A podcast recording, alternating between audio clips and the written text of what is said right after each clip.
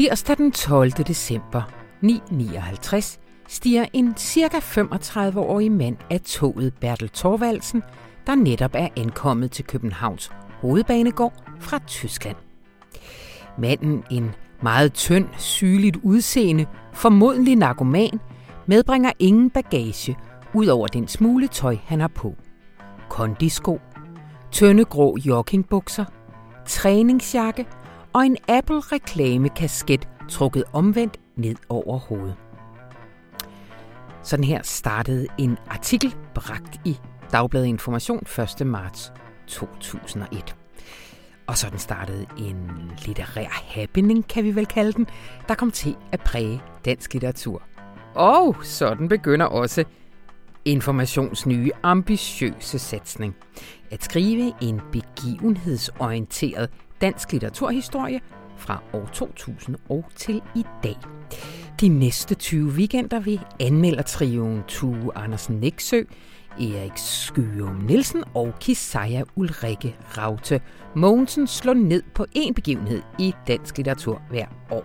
Og sidstnævnte kommer forbi her og fortæller om dengang Claus Bæk Nielsen gik undercover som hjemløs og slap fanden løs i Sankt Anna Passage. Der er faldet nogenlunde ro på siden. Velkommen til. Jeg hedder Anna von Sperling.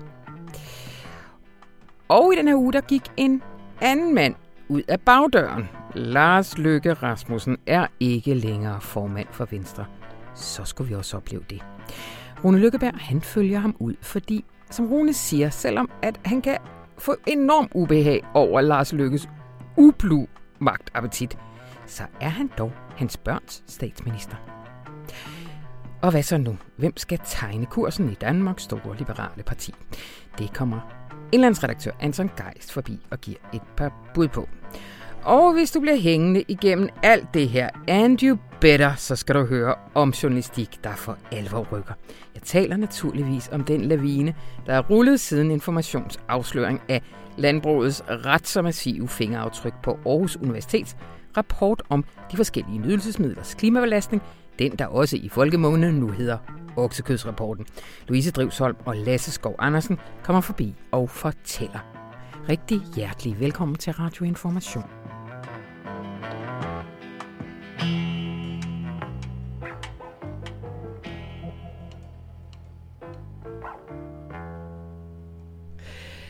En morgen i slutningen af 2000 sker der noget umiddelbart undseeligt, som får om sig gribende følger i både den sociale virkelighed og de tekster, hændelsen over de næste år ryster af sig. Måske er der ikke engang nogen, der ser det ske. Velkommen til Kisaja Ulrikke Rode Mogensen. Tak skal du have.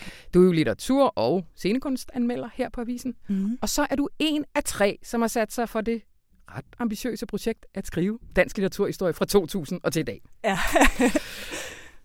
det glæder vi os til at se, hvordan det udvikler sig, og det vender vi tilbage til lidt senere. Jeg har lyst til, at vi ligesom starter der, hvor indledningen er. Hvad er det, der sker den her vinterdag i 2000?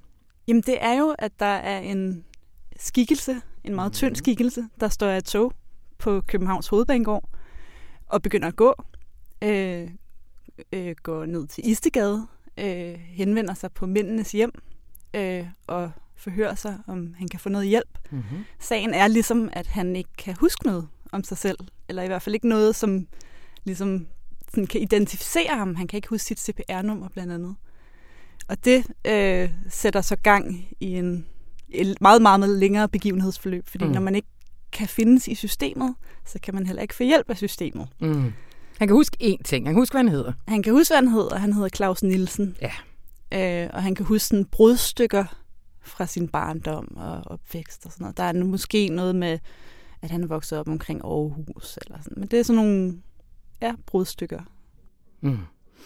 Og det kunne godt bare have sluttet der, hvis det øh, var, at det bare var en tilfældig mand, der hed Claus Nielsen. Men det gør det ikke. Det gør det ikke, nej. Fordi at det, der ligesom viser sig, det er, at altså, så lever han på gaden. Mm-hmm. Øh, han får ligesom allernådes lov til at overnatte på nogle herberger, selvom man egentlig ikke må og sådan noget.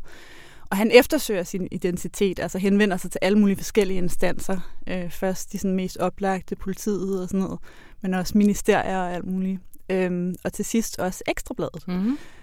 som så bringer en efterlysning Der er vi helt henne i februar 2001, altså efter et par måneder, ikke? Øhm, som ligesom bringer det her billede og en overskrift, hvem er jeg, øh, og beskriver forløbet. Øhm, og det, der også så meget hurtigt sker, det er, at der er nogen, der henvender sig til Ekstrabladet og siger, at han ligner godt nok øh, en teaterkunstner eller forfatter, der mm. hedder Claus Bæk Nielsen. Mm. Og så kan man sige, så er der jo ligesom noget, der er blevet afsløret. Ja. Og han optræder så også i Dagbladet Information.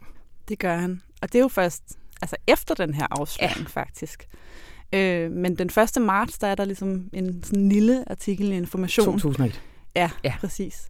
Øh, en lille artikel, der øh, beretter om historien igen, at han står af, han kan ikke huske sit CPR-nummer, han falder ligesom igennem sikkerhedsnettets huller, og hvad, hvad var det, der skete, hvordan trænger vi til bunds i den her historie, og ligesom indleder en serie, mm. der så starter og følger de næste 10 dage, øh, hvor det især er sådan Claus Nielsen selv, der får ordet, der beskriver, hvad der skete, hans møder med systemet, og hans møder med de her andre randeksistenser mm. øh, i miljøet omkring Hovedbanegården og andre steder. Øhm, men som altså ikke nævner noget om det her med ekstrabladet, i hvert fald ikke selve artiklerne. Okay. Udenom er der så til gengæld en præsentation af, hvad der egentlig er på spil. Der er sådan en faktaboks, som man jo kender fra mm. det sådan journalistiske format, ikke? Ja. som beskriver, at Claus Bæk Nielsen øh, ligesom 24 timer ad gangen tager det her Bæk ud af sit navn og bliver til Claus Nielsen, og så går på gaden. Mm. Og ligesom lader, som om han har det her hukommelsestab. Så, så der er ingen, der bliver snydt her på avisen. Internt ved altså øh, fra starten, fordi det finder man ud af sidenhen, at Christian Lund, der på det tidspunkt er øh, kulturredaktør her på stedet, han har egentlig længe haft en plan med Claus Bæk Nielsen om at lave, lave noget spændende grænseoverskridende ja. øh, Ja, de kender jo hinanden. De har gået ja. på forfatterskolen ja. sammen og sådan noget. Ikke? Altså, jeg tror, avisen ved det sådan set godt. Ja. Øh, altså, det bliver jo også præsenteret med en leder og sådan noget, der, der også beskriver, okay, vi er i et mellemfelt her. Det er ikke rigtig journalistik, det er heller ikke rigtig kunst. Vi ved ikke rigtig, mm. hvad det er. Så kommer der en række reaktioner udefra? Så kommer, altså igennem hele forløbet begynder læserbrevene ligesom at tikke ind, og der er nogen, mm. der bliver trygt i, i information med folk, der er træt af at høre om Claus Nielsen og hans projekt, øh, og som også mener, at det her løfte, der ligesom er blevet givet i den første artikel med at trænge til bunds i historien, at det lever artiklerne jo ikke rigtig op til. Mm. De forvirrer måske mere, ikke? Ja. Øh, og som i det hele taget også ligesom angriber, hvad skal man sige, det etiske i det. Altså det her med at i en eller anden forstand foregive, man er en anden og bruge systemets tid. Øh, en af reaktionerne, der kommer, er også fra Robert Olsen, som på det her tidspunkt er forstander for Mændenes Hjem, ja. øhm, og som har en lidt anden udlægning af sagen, øh, som blandt andet ligesom peger på, at hver gang man har tilbudt Claus Nielsen her hjælp, så er han sjov nok forsvundet, øh, forduftet ja. på en eller anden måde. Ikke? Øh, og som jo altså ligesom er vred over det her med, at han optager en plads, som der er en anden, der kunne have haft. Ikke? Ja. Hvor sådan en som Günther Wallraff, han gik ligesom undercover som indvandrerarbejder mm. i Tyskland, ikke? Øh, for bagefter så at skrive om det og pege på, hvordan systemet var racistisk ja. og øh, problematisk på alle mulige måder. Og det er jo ikke helt det samme, der sker her. Øh, så det er ligesom det, der, der sådan forarver ja. folk. Ikke? Altså, fordi i virkeligheden så forvirres den her serie, artikelserie måske ikke helt så meget, som den forarver. Nej. Altså, for folk, jeg tror, altså, der er mange, der godt ligesom genkender det som kunst på en eller anden måde, eller ja. i hvert fald som noget andet men de bliver forarvet over, hvad formålet med det er, ikke? Ja. Altså. ja.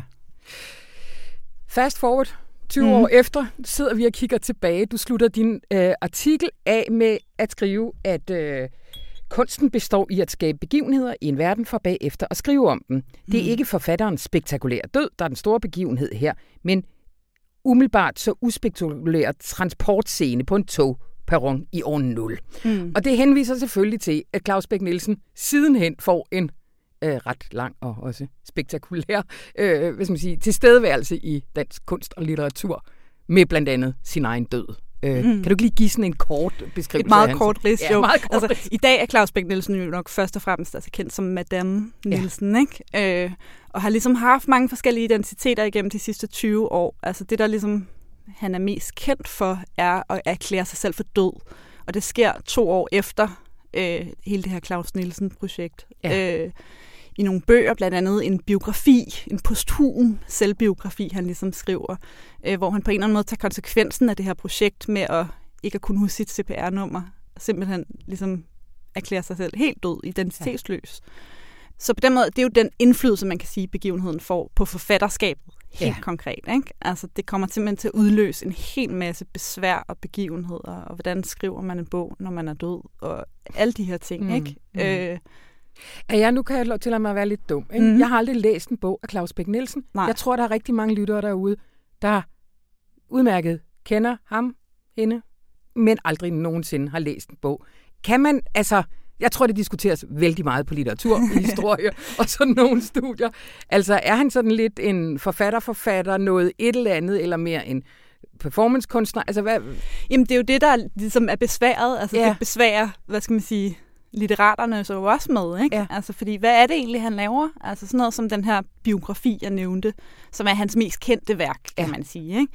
Altså det samler jo blandt andet de her artikelserier, ja. og det samler alle mulige andre dokumenter og ting og sager. Og det er jo ikke, det er ikke en roman i den forstand, vel? Eller han skriver, eller foregiver i hvert fald at skrive om begivenheder, der virkelig sker mm. udenom. Ikke? Mm. Altså, og det samme kommer mange af hans senere bøger så også til at gøre.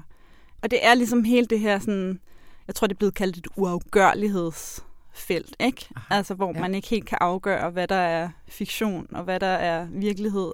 Han er jo siden også optrådt i information på et, for et par år siden, gik han på landevejen på flygtningeruterne Jamen, præcis. med Madame Nielsen også, som, altså, så derfor også virkelig lige midt i, hvad skal man sige, hvad vi diskuterede helt bredt i vores samfund og i journalistik lige der.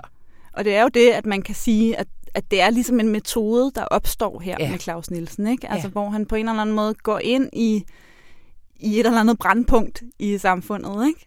Ja. Øh, og så skriver om det og bruger sig selv, men på en meget øh, særlig måde, ja. eller forvirrende måde til det. Ikke? Og hvem har så siden, hvis man kigger på dansk litteratur, siden taget den metode op, eller hvad? Ja, altså jeg vil sige, det der også er sjovt ved Claus Bæk Nielsen, er jo, at han er den her ener i ja. dansk litteratur. Ikke? Altså det er svært at sammenligne med nogen, og man kan heller ikke måske tale om, at den her begivenhed sådan bliver en bølge, men det er på en eller anden måde et meget radikalt udtryk for nogle bredere tendenser, som vi har set rigtig meget. Mm. Ikke? Altså hele det her med, at man ikke skriver fiktion, for eksempel. At man skriver om sit eget liv, altså det autofiktive i en eller anden forstand, men også at det bliver sløret, hvornår er den her forfatterperson en forfatter, er der en biografisk person mm. bagved, mm. øh, sådan en som Christina Hagen har ja. fået opmærksomhed her de senere år. Ikke? Hun har blandt andet lavet de her billedbøger, som handler om sådan en hvid turist, der ligesom har de her beskidte tanker, øh, politisk ukorrekte tanker om at være en hvid kvinde, der sådan er sexturist i den tredje verden. Ja. Øh, og hun har jo ligesom også skrevet i aviser om det, men hvor man ikke helt har kunne afgøre sådan, når, er det den samme fiktiv, er det den her turist, der taler, mm. eller mhm. hvad er det, ikke? Altså, og det har affyldt en hel masse debatter, hvor man igen har diskuteret det etiske også, ikke? Ja. Altså, så det er nogle ting, der på en eller anden måde ret grundlæggende sådan, har, har fyldt i de sidste 20 år, ikke? Ja. Øh. Lige før vi slutter, kunne jeg godt lige tænke mig, og vi kommer til at diskutere det fordi det, det er simpelthen øh, altså det er 20 uger, at I kommer til at lave et nedslag i en begivenhed også. Vi kommer til at diskutere det flere gange her og blive klogere på, hvad det er at skrive litteraturhistorie, håber jeg. Ikke? Mm. Men hvad, kan du ikke sige, håber jeg også. kan du ikke sige lidt om, du, uh, Tue Andersen Eksø og Erik Skjørm Nielsen har sat jer ned og sagt, hvordan kan vi ligesom beskrive de her 20 år, der har gået. Mm. Hvad er det for nogle overvejelser, I har og hvorfor ender I på sådan en begivenhedsorienteret mm. tilgang? Jamen, altså, udgangspunktet, kan man sige, er jo bare, at der ikke er skrevet nogen samlet litteraturhistorie om de sidste 20 år. Ikke? Ja. Altså, og så på den anden side, kan man sige, vi som skriver i avisen, vi er mere fanget i sådan dag-til-dag format. Ikke? Så ja. derfor synes vi jo, det kunne være sjovt. Øh, og litteraturhistorie former sig jo normalt som sådan forfatterportrætter, for eksempel. Mm. Generationsportrætter, det er meget de her sådan lange fortællinger, hvor man netop kan se det på afstand, altså se tilbage på noget, se de her klare, store linjer, hvor det her er noget, vi er midt i, ikke? Ja. Altså, øh, og der kommer begivenheds... Øh, grebet jo ind og er smart, ikke? Både fordi der er nogle selvoplevede ting, øh, men også fordi man måske kan få øje på noget andet. Altså litteratur i dag er jo ikke bare nødvendigvis bøger. Nej. Altså, det er også det, der udfolder sig udenom. Og i hvert fald kan man måske se nogle andre ting, hvis man kigger på det, der er mm. udenom. Ikke? Altså, og det kommer jo til at være begivenheder i en ret bred forstand. Ja. Det kan jo både være meget små ting og store ting. Det kan jo måske også være begivenheder, der sker inde i en fiktion, eller det kan være ja.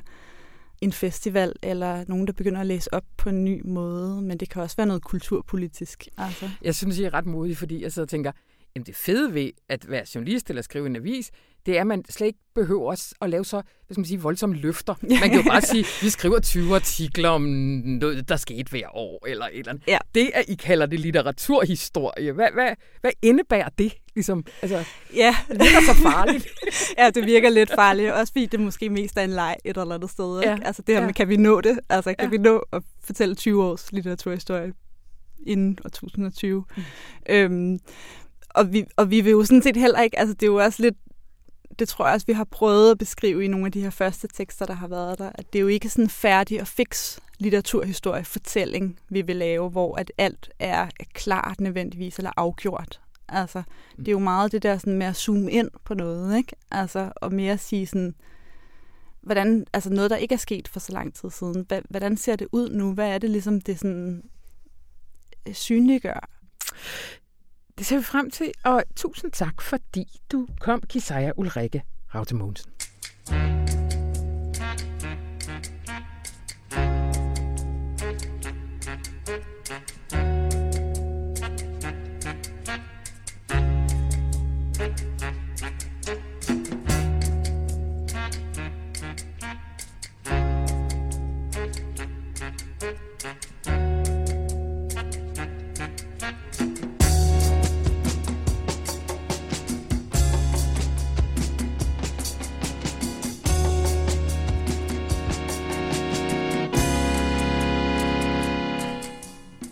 Rune. Hej Anna. Så skete det. Lars Lykke Rasmussen gik af. På en eller anden måde havde man troet, det aldrig skulle ske. altså, det på en eller anden ved. Så fik vi den med, Rune.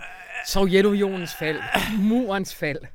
Ja, og jeg troede egentlig, at han ville holde længere end os. altså, jeg, jeg troede, han ville være formand længere, end vi to ville være i live, og det er ikke, fordi jeg ikke tror, vi får et langt liv. Nej, nej, nej. Hvordan, øh, hvad, hvad, hvad tænker du om det? Jamen, øh, det første, jeg tænker, det er jo så, at det er, at han er så ekstremt sammensat. Og han er, jeg synes jo, Lykke er en fantastisk skikkelse. Fordi han på en eller anden måde er så utrolig meget Danmark. At han er så folkelig. Og han er Ole Ritter, han er Grøften, han er Frikadeller, han er Bayer, han er kolonihave Danmark. Han tager på ferie på Mallorca, han gider ikke rigtig motionere. Og han siger sådan noget med, okay, selvom jeg vejer 5 kilo for meget, kan jeg godt være i balance. Og befrielsens øjeblik er også, at han bare ikke gider koncentrere sig om sin krop længere. Altså, han er mm. bare så meget kolonihave Danmark. Han, og min datter på 17, har fulgt ham på Instagram og elsker, at nu får Lars Lykke en fransk hotdog på Lolland. altså, du ved, ja. på den ene side, der, at han er så meget Danmark, samtidig med, at han også er så meget, som vi ikke bryder os om ved Danmark. Mm. Og det der med, at vi har sådan en idé om, at det folkelige altid er noget positivt. Men det er det jo ikke. Det folkelige er jo også magtfuldkomt og behagesygt og, og tyrannisk. Og det, altså, han er så sammensat. Det er den ene ting, jeg tænker, hans karakter er det er så mærkeligt en tid, hvor alle skal være folkelige. Vi har en ultimativt folkelig statsminister, så er han mm. ikke populær. Det andet er, at han er jo en meget stor borgerlig leder, fordi han er den første borgerlige statsminister, som omfavnede velfærdsstaten. Mm.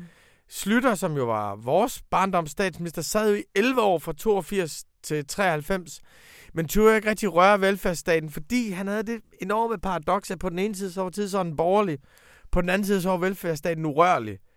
Så de kunne godt blive statsminister, hvis bare de lovede ikke at røre Socialdemokraternes velfærdsstat. Lidt det samme med Fogh. Han havde en stor kulturkamp, men han sagde jo hele tiden, jeg vil ikke røre velfærdsstaten. Mm. Og Lars Lykke var den første, der forstod at føre borgerlig politik gennem velfærdsstaten og lavede strukturreformer, sundhedsreformer, patientgarantier, konkurrenceudsættelse, privatisering, brugergarantier. Altså, han forstod, at man kunne realisere de borgerlige idealer gennem velfærdspolitik. Derfor er han på sin vis den største borgerlige statsminister i velfærdsstaten. Hmm. Hvordan synes du, øh, det her farvel, var det, var det værdigt? Var det sådan, det skulle være?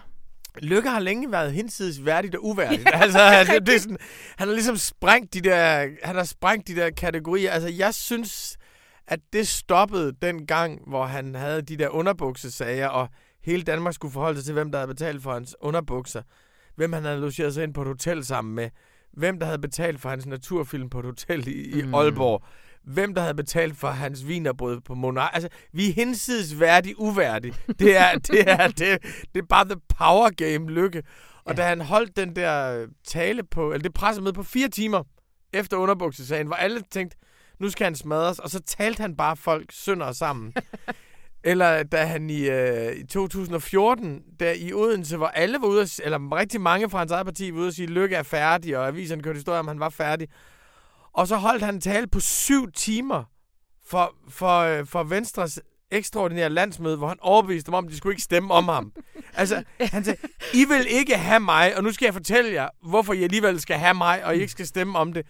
Så hans sådan ekstreme magtkamp, og hans sådan ekstreme element af at være i magtkampen, det har jo gjort ham til sådan en blanding af en Olsenbandens skikkelse og en Bergmanns skikkelse. At der er ligesom Mhm. noget med dæmonerne og magtkampen i mennesketypet, som han har hævet frem og lagt til åben for os. Og så er der det der med den hyggelige dansker i, i undertrøj. Jeg synes, han er så ekstremt interessant en skikkelse, fordi han politisk kan udrette så meget, og personligt har smadret så meget for sig selv. Og jeg elsker det der, som er kynikeren. Han er jo mega kynisk. uh, kynikeren, som fører en enorm magtkamp, og så er han sådan enormt sentimental bagefter. Jamen, jeg kan ikke have selvrespekten, hvis jeg ikke kan. altså, på en eller anden måde, så er det svært ikke at foragte ham en lille smule, Mm. for at være så blond og så, så magtbegærlig. På den anden side er det også meget svært ikke at være tæt knyttet til ham. Jeg Ja. føler mig faktisk knyttet til Ja. ham, fordi han er min børns statsminister. Og fordi at det der menneske, Lars Løkke, har bare været på ydersiden hele tiden. Ikke? Jeg prøver at Mm. sammenligne ham med Jakob Ellemann, Helle Thorning, Anders Fogh. Der er jo slet ikke det der kontrollerede. Så er der en udviklingsfortælling i det, som jeg synes er interessant. Det der med, at han var... Først så var han vikaren, ikke en rigtig statsminister. Så var han lille Lars fra Græsted. Han var hele tiden lidt undskyldning for sig selv. Og til sidst, der blev han jo så magtfuldkommen, så han førte sig frem, som om han var Berlusconi. Og det borgerlige Danmark, det var bare, hvad han ville. Så den der udviklingsfortælling med at være for lidt, og så blev han for meget, og så brændte det hele sammen. Mm. Har, har du sådan lige her, før vi slutter, har du sådan et favoritlykke øjeblik? Jamen, jeg tror, favoritlykke øjeblikket, det er fortællingen om de syv timer i Odense, hvor han simpelthen som en anden Napoleon taler med sønder sammen og tager to mand ned i kælderen øh, og overbeviser dem om... Altså, jeg har sådan et billede af, at han tager dem ned i kælderen og pryler dem. Simpelthen bare tager dem... altså, simpelthen... Altså, han, jeg ved godt, det ikke var det, der skete, men jeg har sådan et billede i mit hoved af, Lars Lykke tager dem ned i kælderen, tager bæltet af og, Og, og hvem pryler er det, vi skal lige, hvem er dem? Det er øh, Christian Jensen, som Ja. var hans øh, udfordrer dengang, og så var det Lars Krav, den store herningborgmester, øh, og som ville af med Lars Løkke, og så har jeg sådan et billede af, at han simpelthen bare siger til dem, så det ned i kælderen, venner, og så pryler han dem med bæltet, og så går han op og overbeviser medlemmerne om, at det er medlemsdemokrati, de skal bare ikke stemme om, at han skal blive ved med at bestemme. Øh, det, er, det er ligesom the Lykke moment, synes jeg. Godt. Tusind tak, Rune Lykkeberg. Selv tak.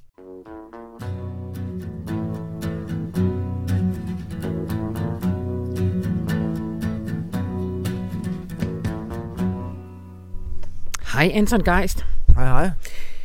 Lige om lidt, der skal vi øh, snakke øh, fremtid. Ja. Men jeg har lige lavet en hel indledning på det her program, og øh, du ved, øh, uendelige minutter med Rune Lykkeberg, mm, hvor vi ja. har snakket om lykke og sådan noget. Jeg har fuldstændig glemt Christian Jensen.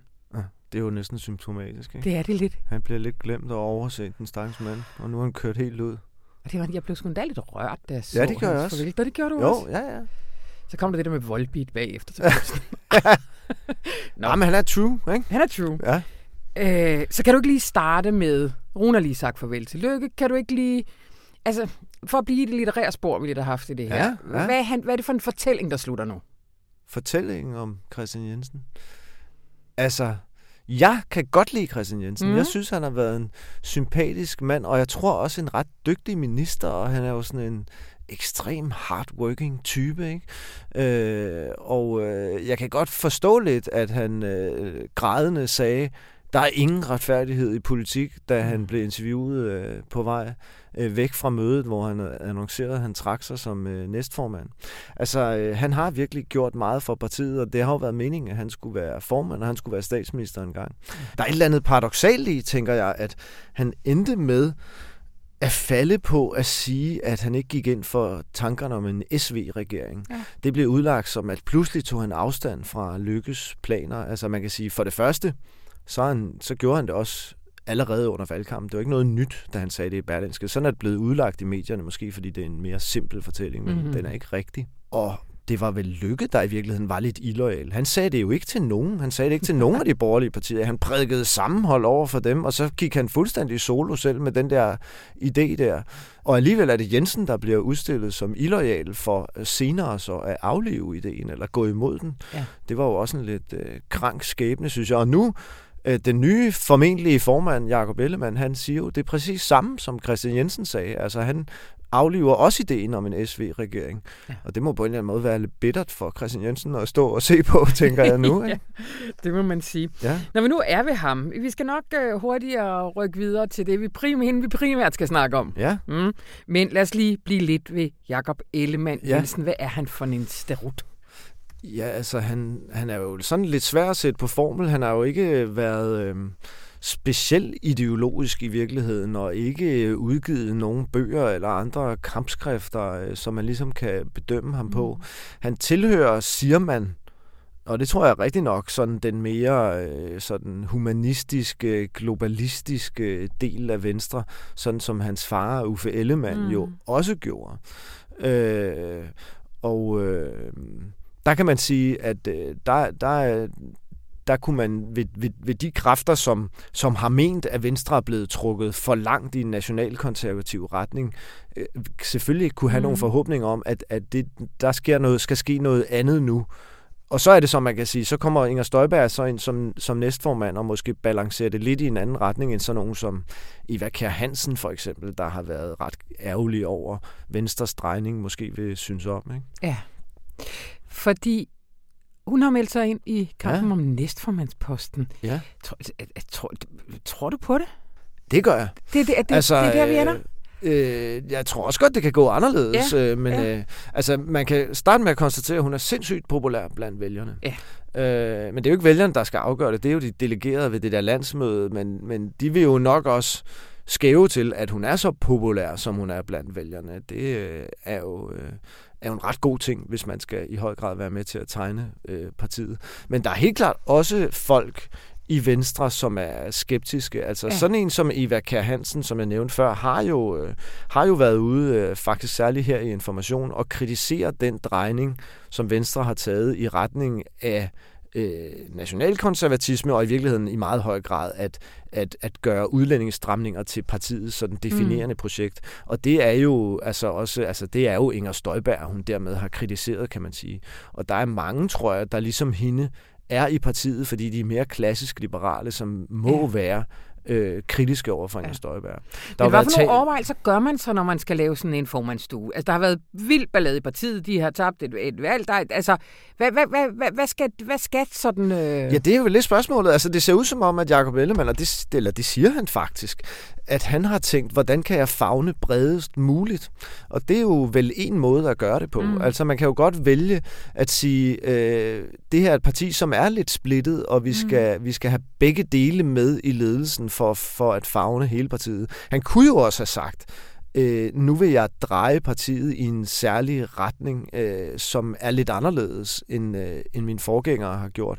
Og så er det måske ikke Støjberg, han skulle spille ja. så meget på, fordi Støjberg har jo fået lov at gøre øh, udlændingestramninger, vil jeg sige, til øh, Venstres faktisk og Venstre-regeringen sådan definerende projekt. Mm. Ikke?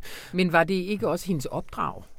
Jo, det tror altså, jeg da. Jeg mener, jo, jo, jo. hun kommer vel ikke ud af ægget med nej, det projekt nej, nej, nej, nej. i en eller anden... Nej, altså... nej, nej, nej, nej, nej, men jeg, men jeg tror samtidig... Nej, det gjorde hun ikke. Det er helt klart, at det var øh, sådan, de forsøgte at vinde valgene, og ja. jo også det seneste valg. Altså, det var det, de kørte meget hård kampagne på, på sociale medier osv., og, og Lykke jo også gjorde.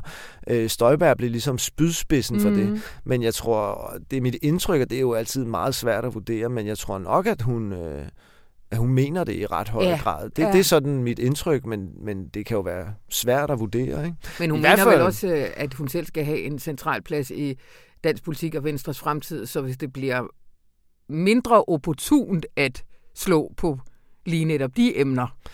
Ja, ja, det, det, kunne man jo, det kunne man jo forestille sig, at hun så gjorde noget andet. Jeg tror nu nok, jeg har svært ved at se for mig, at man skulle have Inger Støjberg øh, siddende i ledelsen af Venstre, som ikke også blev brugt til Ja, at køre ja, hårdt på rigtigt. udlændingespørgsmål. Jeg synes, alt tyder på også, at Venstre efter valget har tænkt, at det er hvis ikke det, så i hvert fald et af de punkter, hvor de skal ramme den siddende regering.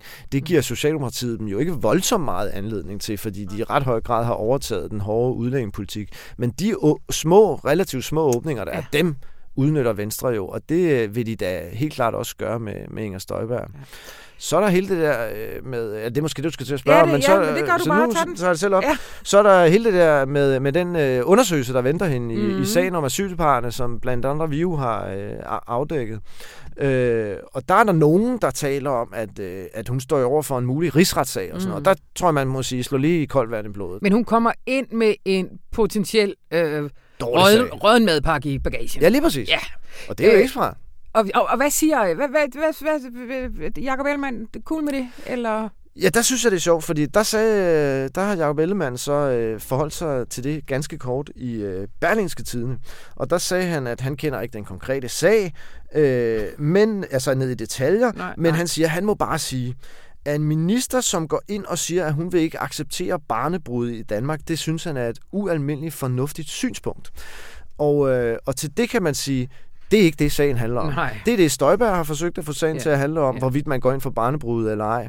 Øh, det er det ikke. Altså, sagen handler om, øh, at øh, ministeren har udstedt en ulovlig instruks, Mm. og der er et øh, spørgsmål om, hvorvidt hun har vildledt både ombudsmanden og Folketinget med sine forklaringer, som, øh, som man med ret... Øh, altså, der er ret meget, der kunne tyde på, at de forklaringer, de ikke er, er sande. Det er det, øh, sagen handler om. Og der synes jeg, det er interessant, at han som ny formand overtager hendes spin i sagen. Det kan man synes er moralsk øh, forkert, og man kan også sige, at det kan måske vise sig at være sådan strategisk uklogt. Mm, mm. Altså fordi øh, øh, det kan jo godt være, at det ender med at blive en rigtig, endnu mere rigtig grim sag for hende, ja. end det allerede er. Og der er det i virkeligheden måske ikke så smart af en partiformand at have lagt sig på den linje, øh, mm. som er en åbenlys urimelig udlægning af sagen. Ikke? Ja. Anton, hvad sker der herfra? I Hvornår, Ja, altså- hvornår får vi på plads om det her? Det Ja, nu er... kommer, nu kommer det her landsmøde jo, øh, jo lige om lidt, og så, så kommer det jo på plads. Det, der er interessant nu, er selvfølgelig, om der, er- om der melder sig en mm. næstformandskandidat. Jeg tror, det er svært at forestille sig, at der skulle melde sig en formandskandidat. Det kan der selvfølgelig godt gøre, ja. men ikke en, nogen tager seriøst. Men, men der kunne sagtens melde sig en næstformandskandidat, som nogen tog seriøst. Det kunne jo både være en, som var uden for Christians, fra uden for Christiansborg, øh, og det kunne også være en fra Christiansborg, altså øhm, den tidligere sundhedsminister og forskningsminister Ellen Trane Nørby, øh, Ja. som jo tegner en meget anden øh, linje øh, i Venstre, end Inger Støjberg gør, øh, er der jo sådan lidt, er lidt mistænkt for måske at ville stille op, og har ikke Mm. sådan afvist det, når hun bliver spurgt, og har også været lidt kritisk over for, at, at partiet ligesom allerede lægger sig fast på en næstformand, som jo er Støjberg. Og, og det vil jo være interessant, fordi at hun er en helt, helt anden type. Øh, hun har været Det på... kunne være ret sjovt, ikke? Ja, det synes jeg også Ja, kunne det ville være også være sjovt. skægt at dække. Nu har vi jo haft en lille smule kvaler med at dække den her lange Ja, det er du ret i, Anna. proces. Det vil gøre det helt meget lettere for os, faktisk. Så på den måde må vi også håbe på, hæppe på Ellen Trane vi vil også have, vi vil have nogle ideologiske Ja. fronter og sådan jeg noget, så vi haft- kan fortegne helt Ja, ja, vildt. ja. Og så, Jamen, jeg har haft sådan lidt en, øh, jeg har sådan lidt en øh, lille forhå- og nok urealistisk forhåbning om, at Eva K. Hansen stillede op, Uh, fordi ja. hun jo er den, der har kritiseret partiets drejning imod, øh, at det hele bare skal handle om udlændingsstramninger. Og hun er før stillet op som næstformand. Det var dengang Lykke stillede op under få, og det blev hun ikke valgt til. Det har jeg gået og haft en lille forhåbning om, at hun kunne finde på. Det ville være rigtig fedt og sjovt, for det ja. ville være meget, meget ideologisk kamp. Det det. Men jeg ved ikke, hvor, om det på nogen måde er realistisk. Vi må se. Ja. Tusind tak, Anton Geist. Selv tak.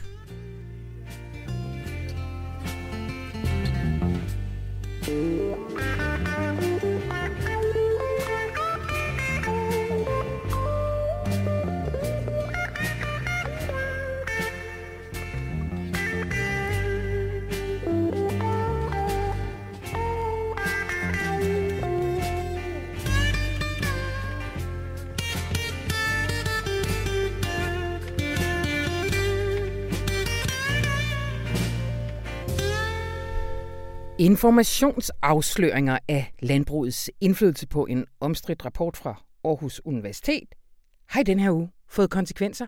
Og velkommen til Louise Drivsholm og Lasse Skov Andersen.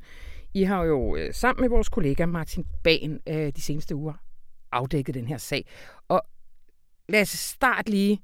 Man kan gå tilbage og høre radioinformation for et par uger siden og få den fulde version. Men for dem, der har boet under en sten de sidste par uger, fortæl os lige kort om sagen.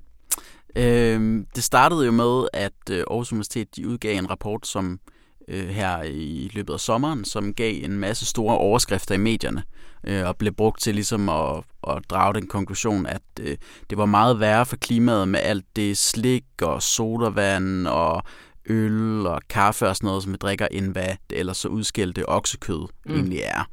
Øh, det havde de simpelthen gjort op, at øh, de der såkaldte nydelsesmidler stod for 28 procent af klimabelastningen fra vores øh, forbrug af fødevarer og drikkevarer, og oksekød det stod kun for 11-15 procent. Mm. Det var jo interessant, hvis det var rigtigt. øhm, og den blev gengivet ret den, bredt i den blev gengivet, det den blev gengivet ja. helt uh, ukritisk. Ny rapport ja. viser at, og sådan og sådan. Ja. Øh, og så fandt vi jo ret hurtigt ud af, at den, den her rapport den var finansieret af Kvægeafgiftsfonden, og havde haft Landbrug og Fødevare som projektleder, og der havde siddet folk fra kødbranchen i styregruppen. Og så begyndte vi sådan set at grave i, ligesom, jamen, holder konklusionerne, og, og kan det være rigtigt, sådan som forskerne siger, at det her det er fuldstændig uvildigt, og øh, at det, at kødbranchen og landbruget har været inde over, at det overhovedet ikke har påvirket øh, rapporten. Mm. Øh, og det viste sig jo så, at øh, det var ikke rigtigt. Ja, Louise, lige hvad var de store problemer med den? Jamen, øh, for, for, det første havde Landbrug og Fødevare, projektet skulle være forankret i Landbrug og Fødevare. Og i den agtindsigt, vi fik for, beløbet, for, på forløbet de tusindvis af dokumenter, vi fik, kunne vi også se, at det var Landbrug og Fødevare, der stod bag hele projektets øh, indledning, forord og overordnet øh, metodetilgang. Mm. Ligesom at det var repræsentanter fra Landbrug og Fødevare og Danish Crown, der havde valgt, at der skulle være en burger på forsiden af, af rapporten, fordi at råt oksekød ikke ser sådan super lækkert ud, som de skrev i en mail. Og det var også dem, der havde fundet på, på titlen på rapporten, fordi det ville være som en repræsentant fra, fra Danish Crown skrev en så epokegørende rapport, at den skulle være nem at google, så det skulle ikke være et eller andet besværligt forskeragtigt. Hvad hed den? Øhm, den kom til at hedde Oksekøds klimapåvirkning, og så havde den en eller anden undertitel. Men okay. det betyder jo, når man sidder og googler, åh, oksekød, ja. hvad er det nu, vi må? Så dukker den højt op ja. og fortæller, ja. I skal i hvert fald bare ikke spise uh, slik og drikke kaffe. ja. Godt. Man kan som sagt gå tilbage. Lad os snakke om det, der er sket siden. Fordi det er en hel masse. Journalistik virker. En gang imellem. ja, der er noget at komme efter en gang imellem. Godt. Lasse, hvad, hvad, hvad, hvad, hvad har reaktionerne været? Jamen nu skal jeg lige se, om jeg kan huske at få det hele med, fordi ja. det, det er simpelthen gået så stærkt her de seneste dage, og der er sket så utrolig meget. Men altså man kan sige, at øh, da vi får den her kæmpemæssige agtindsigt og kan dokumentere, at, at faktisk så har, har landbrugsinteresserne siddet og, og skrevet rapporten, altså været med, altså dele af den, ikke? og været mm. med til at virkelig faktisk haft indflydelse på, hvordan den er endt med at se ud øh, der går rektor ret hurtigt ud, rektor for Universitet går ud og, og lægger sig ned og siger, at vi kan ikke længere tale om uvildig forskning, og øh, her er der et problem, og der skal drages de nødvendige konsekvenser. Og så er det egentlig gået sådan lidt slag i slag siden da, øh, den ene konsekvens efter den anden. Altså Landbrug og Fødevare har også beklaget at sige, at de vil betale pengene tilbage til Kvægeafgiftsfonden. Mm-hmm. Øh, Aarhus Universitet, der er den ansvarlige institutleder, er... Øh, øh, færdig, kan man sige. Han øh, afgår efter aftale, mm. øhm, og øh, den ansvarlige centerleder har fået alvorlig kritik af sin dekan.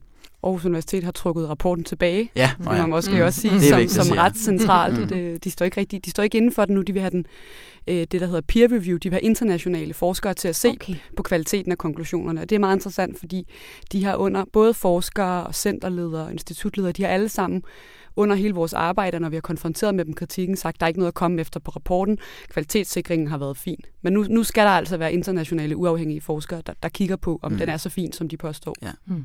Og så øh, ikke mindst, så øh, har Aarhus Universitet nu sat altså noget i gang, som lyder som en meget, meget omfattende undersøgelse. De vil nemlig gennemgå alle eksternt finansierede rapporter fra det her øh, center, som er udkommet de sidste fem år, for at se, om der kan være lignende problemer der.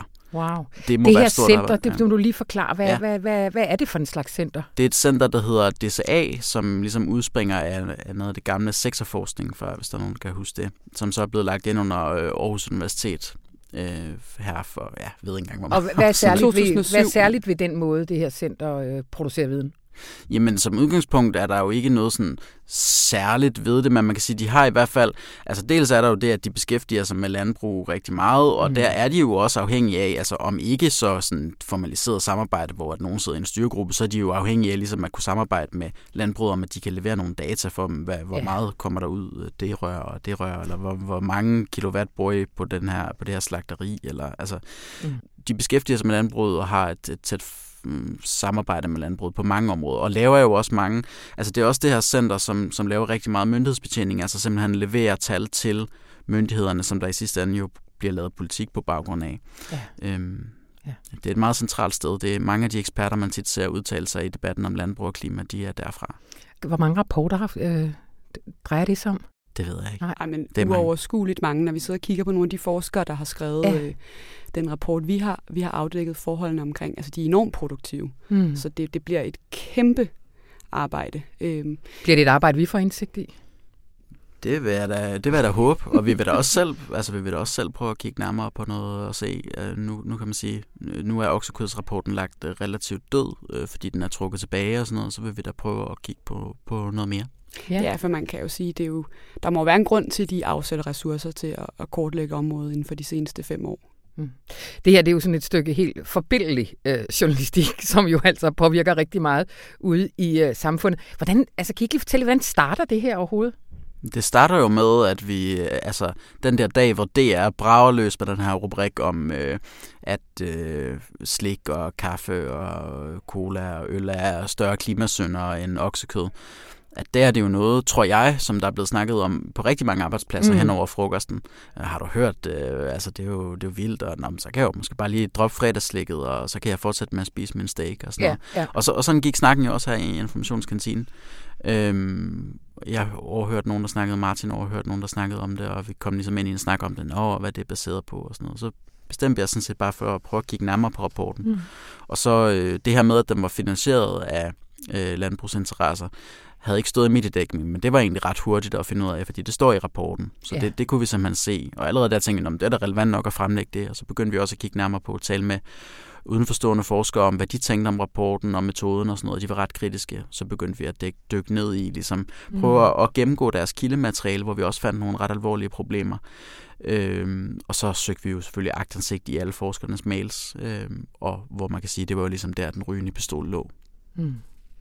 Bør det være, Louise, bør det være almindeligt nu, du er videnskabsdirektør, så flot titel. redaktør her på avisen. Bør det være almindelig kutyme uden på de journalistiske arbejdspladser, når vi får en eller anden rapportnyhed, at så ringer man lige til en uafhængig forsker og siger, hvad tænker du om det her? Jeg synes i hvert fald, at det, det virker. Altså man kan sige, at forskere er jo sådan en slags sandhedsvidner i, i medierne, og det er der jo også en masse gode grunde til. Mm. De er jo eksperter på deres område, men som vores øh, afdækning af den her øh, øh, såkaldte oksekødsrapport har vist, så er videnskab jo ikke altid en eksakt størrelse. Der kan sagtens være metodediskussioner om, hvordan man opgør ting, og hvem det er til fordel for, at man mm. opgør ting på en bestemt måde. Der er jo ting i den her rapport, der får oksekød til at se mindre klimabelastende ud, end hvis man havde opgjort det på en anden måde. Mm. Så den slags diskussioner kommer man jo slet ikke ind i, og læserne får ikke indblik i dem hvis man ikke ringer til en udenforstående. Og jeg tror også, havde DR fra starten af ringet til en udenforstående forsker, så selvom de ikke havde selv havde set det, havde vedkommende måske gjort dem opmærksom på, hov, på side 3 står mm. faktisk, at den her rapport er bestilt af landbruget. Det skal I måske lige skrive. Så mm. altså, altid tjek, hvor mm. kommer pengene fra. Det behøver der ikke være noget odiøst i. Der bliver lavet masser af ekstern finansieret forskning, der ikke er problemer i. Men altså kig på, hvor kommer pengene fra, og så snak med nogen, der ikke har siddet i det. Er det her god videnskab eller ej? Fordi vores afdækning har jo vist, at det her det er ikke god forskning. Mm. Det er jo også noget, vi gør sådan rimelig fast herinde. Ja, det, jeg, vi, altså, jeg vil våge at påstå, at vi vil aldrig udgive en artikel, uden at have snakket med en uvildig forsker mm. øh, om de konklusioner, vi viderebragte. Mm. Men det her det får også nogle konsekvenser for, hvordan Aarhus Universitet for fremtiden vil bedrive forskning, eksternt finansieret forskning. Kan I ikke lige sige lidt om det? Eller det har de i hvert fald sagt. Jo, altså de har jo det famøse øh, Penkovac-kursus for alle phd studerende på, øh, på Københavns Universitet, efter hende Milena Penkova, mm. der, der svindlede med rotteforsøgene og sådan noget. Nu kommer der også kurser på Aarhus Universitet i, hvordan man sikrer god forskningsskik, når man, når man samarbejder med eksterne interessenter. Mm. Så det er i hvert fald, hvad vi har fået at vide. Det kommer alle øh, forskere fremover til at skulle, skulle øh, gennemgå et obligatorisk kursus i, hvordan, altså hvad god forskningsskik er, hvordan mm. samarbejder man med eksterne interessenter, hvordan kommunikerer man sin forskning, så den er så troværdig mod, resultat, med resultaterne som muligt. Øh, mm. Så, så det bliver også øh, en måde at gøre fremadrettet. Mm. Og så er der også nogle retningslinjer, som de siger skal skærpes og præciseres og sådan noget. Det må vi jo se, hvad der kommer ud af det. Mm. Ja, fordi en af de ting, vi også har kunne afdække, er, at altså, der har mildestalt ikke rigtig været noget kvalitetstjek af den her forskning. Så, så det der øh, peer review nu, hvor uafhængige forskere skal kigge på den, og som vi også snakker om er vigtigt, man gør i, i mediedækning, man, når man formidler resultater, mm. det er ikke rigtig sket i det her mm. tilfælde. Mm. Der er nogle forskere, der har fået lov at sidde og lave nogle beregninger, så er de fremlagt med Aarhus Universitet som øh, officielle afsender, uden der er andre, der har, har kigget på det og, og sagt god for det, i hvert fald i sådan en mere formaliseret form. Mm. Det bliver sidste ord, i hvert fald for nu. Det kan være, der kommer mere i den her sag. Tusind tak, Louise Drivsholm og Lasse Skov Andersen og skal selvfølgelig også siges, hvis jeg ikke sagde det først, at jeg lavede det her sammen med Martin Bang. Yes. Yep. Selv tak.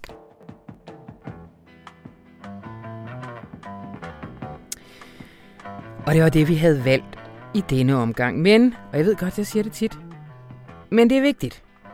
Gå lige ind og skriv dig op til nyhedsbrevet information.dk slash podcast, fordi den her gang, der kan jeg for eksempel sende dig et link, hvor hele oksekødsrapporten, alt hvad der er skrevet om det, er samlet, men selvfølgelig også sende et link til, hvordan du får abonnement på Informations nye litteraturhistorie, så du får det ind af øh, din elektroniske dør hver uge de næste 20 uger.